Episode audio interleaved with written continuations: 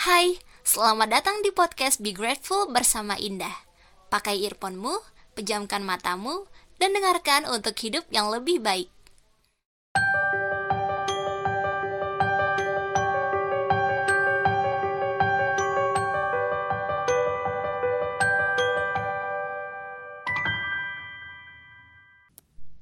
Assalamualaikum teman-teman, kembali lagi di episode kedua podcast Be Grateful bersama Indah Ayu Cahyaningrum Di episode kali ini aku gak akan bawain dengan gaya yang agak serius ya seperti podcast episode sebelumnya.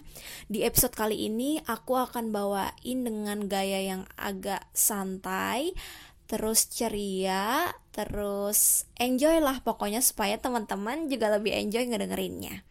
Nah, masih berlanjut soal proses pengembangan diri ya teman-teman. Teman-teman tuh pernah nggak sih ngerasa buntu, nggak punya tujuan hasrat pribadi gitu, terus kita bingung nih untuk ke siapa untuk mengadu ke siapa. Di saat seperti ini tuh teman-teman udah nggak perlu lagi loh yang setiap hari harus ikut seminar motivasi atau datang ke ahli psikolog dan sebagainya yang ribet-ribet lah ya sesekali bolehlah kita mendengarkan seminar motivasi tapi ya nggak mungkin kan setiap hari kita ikut seminar motivasi.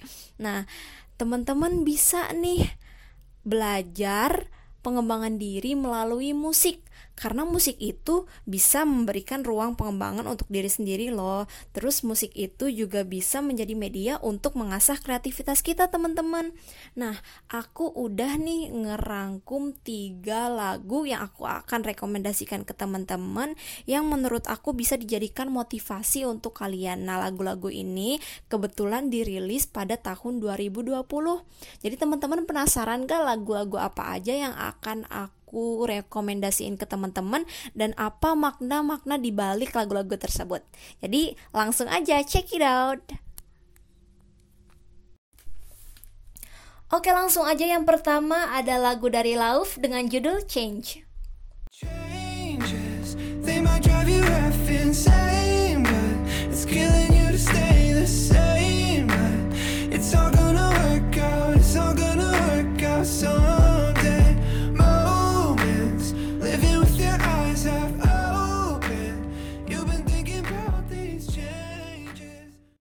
Lagu Change ini dirilis pada Jumat 3 Januari 2020 silam. Lau sendiri adalah salah satu penyanyi, penulis lagu, dan produser rekaman muda asal Los Angeles, Amerika Serikat. Secara kebahasaan, teman-teman tahulah ya, change ini dari bahasa Inggris ke bahasa Indonesia diartikan sebagai perubahan. Nah, setiap pemilihan judul lagu pasti ada alasannya ya. Nah, untuk change ini selain sebagai bentuk pengungkapan diri beserta segala kerumitan hidup yang ada di dalamnya, juga sebagai lagu pertanda optimisme hidup di tahun yang baru mengingat change ini dirilis tepat pada tahun baru masih awal-awal intinya lah ya 3 Januari itu Nah, salah satu ideal kehidupan setiap manusia itu adalah perubahan.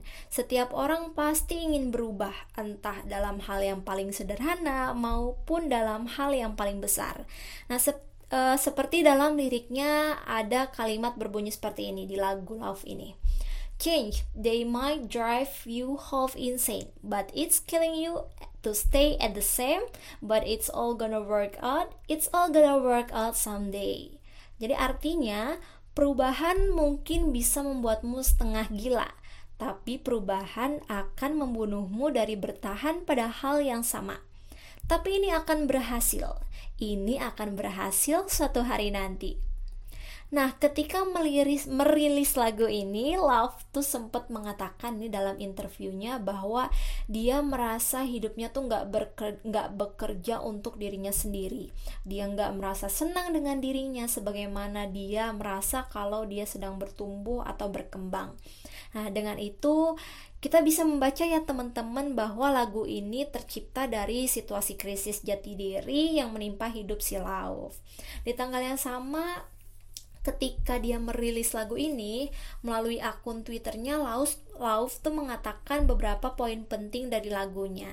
Seperti saya terkadang merasa bahwa hidup itu seperti cobaan. Saya selalu hidup dalam ketakutan akan perubahan. Saya takut untuk mengambil keputusan yang keliru, jadi saya selalu bertahan dengan kebiasaan lama yang buruk, mabuk-mabukan, acuh terhadap dunia, dan gak percaya sama diri saya sendiri. Tuh teman-teman. Jadi Lauf ini tapi gak berhenti pada tahap itu Melalui lagu ini, dia mau mencoba keluar dari zona nyamannya tadi. Dia menulis dalam liriknya indah sekali. Moments living with your eyes. Uh, sekali lagi Lauf mau mencoba menjadi lebih baik di tahun 2020. Nah, hal yang akan dia tempuh adalah dengan memberdayakan dirinya sendiri untuk menyambut perubahan berarti dalam hidupnya. Oke, teman-teman, jadi teman-teman bisa contoh dari lagu Love Change ini ya untuk melakukan perubahan yang berarti dalam hidup. Jadi itu kita nggak harus stuck di satu hal yang sama aja dari hari ke hari. Kita harus melakukan perubahan ke arah yang lebih baik untuk pengembangan diri kita sendiri, untuk menata masa depan kita sendiri sendiri. Setuju nggak teman-teman? Oke untuk lagu kedua ada Billie Eilish dengan judul My Future. Ke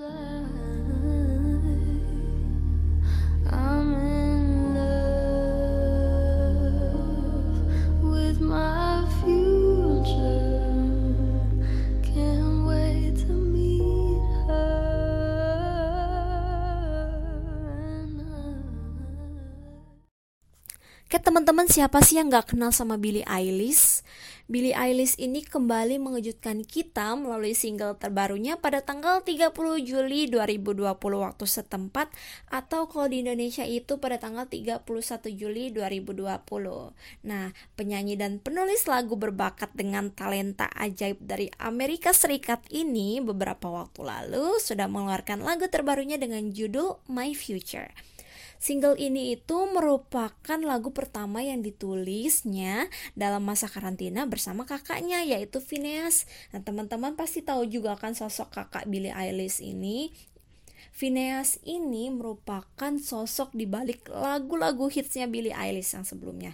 Yang Billie Eilish sempat meraih penghargaan Grammy 5 kategori itu. Itu tuh semua uh, merupakan hasil masterpiece dari Phineas itu. Nah, berbeda dengan track-track yang dirilis Billie Eilish beberapa tahun belakangan ini. Jadi My Future ini menghadirkan materi musik dengan lirik yang berbeda. Jadi genrenya itu dream pop dan ini tuh uh, sesuai ya untuk melabeli single Billie Eilish kali ini. Sebelumnya Billie Eilish itu sempet ngebawain banyak lagu dengan materi yang depresif, yang dark, yang liriknya tuh uh, agak cering ya menurut aku agak dark gitulah pokoknya. Seperti yang dalam Barrier Friend ada lirik dengan kalimat I wanna end me. Itu agak serem sih menurut aku. Terus kalau di track kali ini tuh si My Future ini mengandung syair tentang mencintai diri sendiri dan pesan optimisme. Nah jadi beda banget kan dengan lagu-lagu Billie Eilish yang sebelumnya. Lagu ini tuh sangat personal, sangat spesial bagi dirinya. Dan menurut uh, wawancara pada beberapa waktu yang lalu Billie Eilish tuh sempat bilang ketika dia menulis lagu ini tuh pada saat itu pikirannya berada pada uh, pada harapan yang penuh terus penuh semangat juga terus begitu banyak refleksi tentang pengembangan diri dan ada dalam penggalan liriknya dengan bunyi cause I'm in love with my future can wait to meet her. Jadi artinya karena aku itu cinta dengan masa depanku dan gak sabar untuk bertemu dengannya. Nah, jadi intinya tuh dalam My Future ini Billie Eilish menyatakan rasa cinta pada dirinya, pada masa depannya. Ada sebuah sifat optimis untuk bertemu dengan dirinya di masa depan dengan penuh harapan. Jadi bisa diartikan juga nih sebagai bentuk refleksi diri untuk memahami diri sendiri, menjadi pribadi yang lebih baik agar kita nggak akan menyesal nantinya di masa depan usaha dan perbuatan baik yang kita lakukan pada hari ini merupakan bentuk dari rasa cinta kita pada masa depan kita sendiri. Jadi My Future ini waktu itu dirilis dengan video klip animasi yang disutradarai, disutradarai oleh Andreo Onorato. Oh, Onorato. Dalam video klip ini tuh kita bakal ngelihat Billie Eilish dalam karakter animasi dua dimensi gitu dia berjalan menelusuri hutan gitu yang ber bernuansa biru-biru gelap gitu. Ada cipratan warna-warninya gitu teman-teman. Warna-warni dari bunga sama tanaman yang ada di sekitarnya. Nah video klip kali ini itu nggak distraktif gitu kayak video Billie uh, video video Billie Eilish sebelumnya. Jadi nggak hanya bagi Billie Eilish ya jadi My Future ini bisa menjadi harapan baru juga dan media refleksi juga bagi bagi pendengar-pendengarnya Nah, dengan perkembangan di dunia sekarang ini yang masa depannya emang serba nggak jelas atau bahkan terlihat gila ya. Jadi lagu ini diharapkan untuk setiap pendengarnya mampu menemukan arti atau makna yang pas sesuai dengan yang dirasakan oleh Billie Eilish-nya ini nih.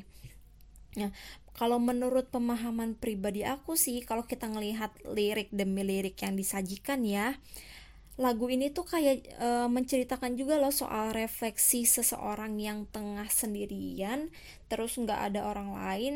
Nah untuk menjadi lebih baik de, dari masa depan itu dia belajar dari kesendiriannya. Jadi uh, dari dalam dalam kesendirian tersebut dia bisa loh melihat dirinya sendiri seperti berkaca pada sebuah cermin. Lalu dia rindu dengan masa depan yang cerah tapi terhalang nih sama masa-masa sulit yang dihadapi tanpa orang lain di sisinya. Pasti teman-teman juga pernah ngerasain kan ketika kita mau mengejar masa depan kita, ada aja halangan dengan segala problematika kehidupan nih yang menghalangi segala macam usaha kita. Nah, tapi itu namanya halangan itu justru menguatkan kita di masa depan nanti.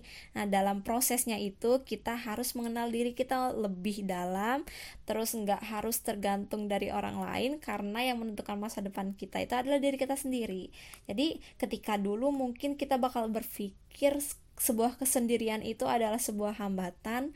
Namun di kondisi yang sekarang ini sudah berubah lah teman-teman. Jadi kesendirian itu harus digunakan untuk semakin mengenal diri sendiri nih, menjadi kuat dan dapat menggali potensi yang terpendam sehingga dapat dijadikan sebuah peluang untuk mencari kesuksesan di masa depan yang lebih baik. Nah, masa depan sebenarnya itu sudah aku sebutkan tadi bahwa mutlak ditentukan oleh kita diri kita sendiri, teman-teman.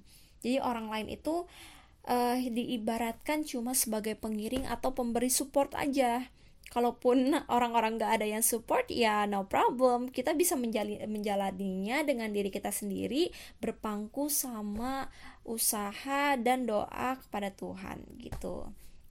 Nah jadi Uh, dari semua itu dan cerita yang udah kita dapat, kita dapat memetik sebuah pesan nih bahwa kita itu mesti siap untuk melakukan apa pun, tetap melangkah berjuang untuk hal yang kita yakini benar. Nah, kita harus tetap berpendidikan. Pendidikan ini bukan yang dimaksud pendidikan formal ya. Jadi kita harus belajar dalam segala aspek secara otodidak, belajar tentang kehidupan apa pun itu Nah, terus kita harus tetap melangkah, kita harus tahu apa yang terjadi di sekitar kita dan harus tetap optimis dan antusias dengan masa depan kita. Jadi, kita harus mengingat, harus ingat nih teman-teman bahwa masa depan adalah milik kita sendiri. Semangat teman-teman. Oke, untuk lagu ketiga ada Blackpink dengan judul You Never Know.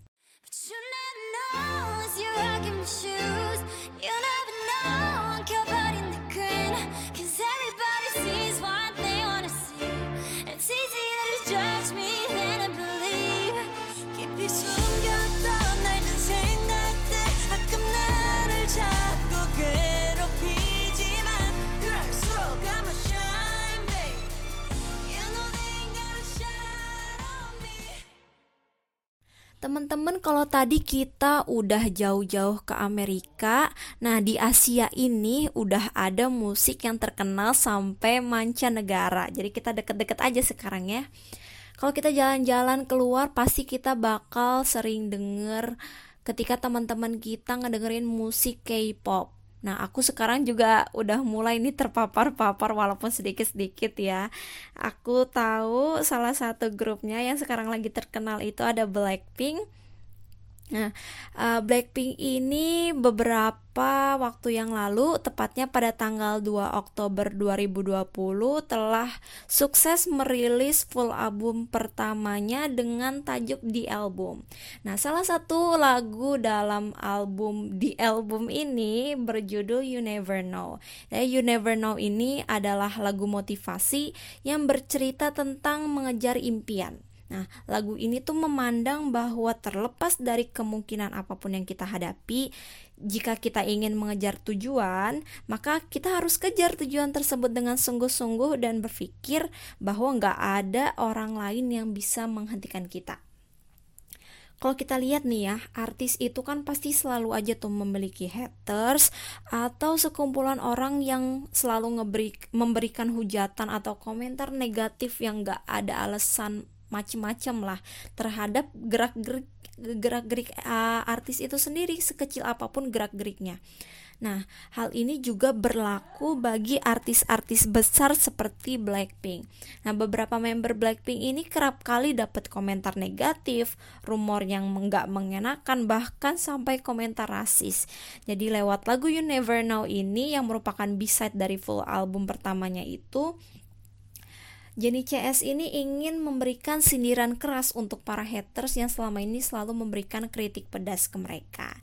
Jadi penggalan liriknya itu di bagian ref ada yang berbunyi But you will never know unless you walk in my shoes And you will never know my tangle up shoes laces Cause everybody sees what they wanna see. It's easier to judge me than to believe. Oke okay, bahasa Inggris aku emang gak terlalu bagus ya maaf Ya lirik tersebut tuh mengartikan bahwa orang-orang tuh kadang cuma bisa memberikan komentar atau menjudge tanpa mengetahui keadaan yang sebenarnya nih. Aduh dan sampai suatu saat nanti orang itu pasti bakal mengalaminya sendiri. Jadi terlebih sebagian orang tuh kadang bisa ngelihat apa yang mereka lihat tapi nggak tahu nih uh, apa dibalik dari kesuksesan itu, di balik kesuksesan itu pasti ada perjuangan, ada kerja keras bahkan sampai air mata. Nah, karena lebih mudah ya bagi kita untuk menjudge daripada belajar untuk percaya. Selalu ada hikmah pada setiap masalah, termasuk menghadapi haters atau pembenci kita yang selalu nggak suka nih dengan kita ini. Tapi di antaranya kita bisa belajar, kita bisa jadi lebih kuat dalam hidup karena mampu mengendalikan diri. Nah, nggak mudah terbakar emosi, nggak mudah tersulut amarah, jadi lebih bebas dari kecemasan lah dengan ketidakpedulian dengan orang-orang yang membenci kita itu. Ya lagu ini tuh uh, seolah udah ngeberitahu kita untuk nggak terpengaruh terhadap omongan orang karena mereka tuh ya nggak nggak tahu mereka never know tentang cerita di balik semua hal yang kita lalui. Orang tuh kadang mudah ya berkata-kata tanpa tahu diri kita yang sebenarnya.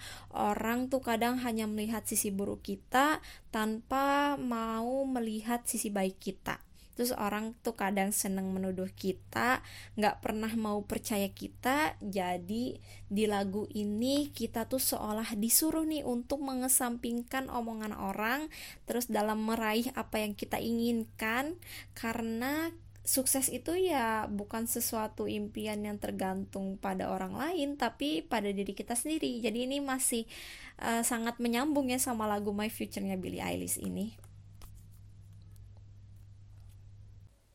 Terima kasih telah mendengarkan podcast spesial episode lagu inspiratif dari Indah. Sampai jumpa di episode selanjutnya.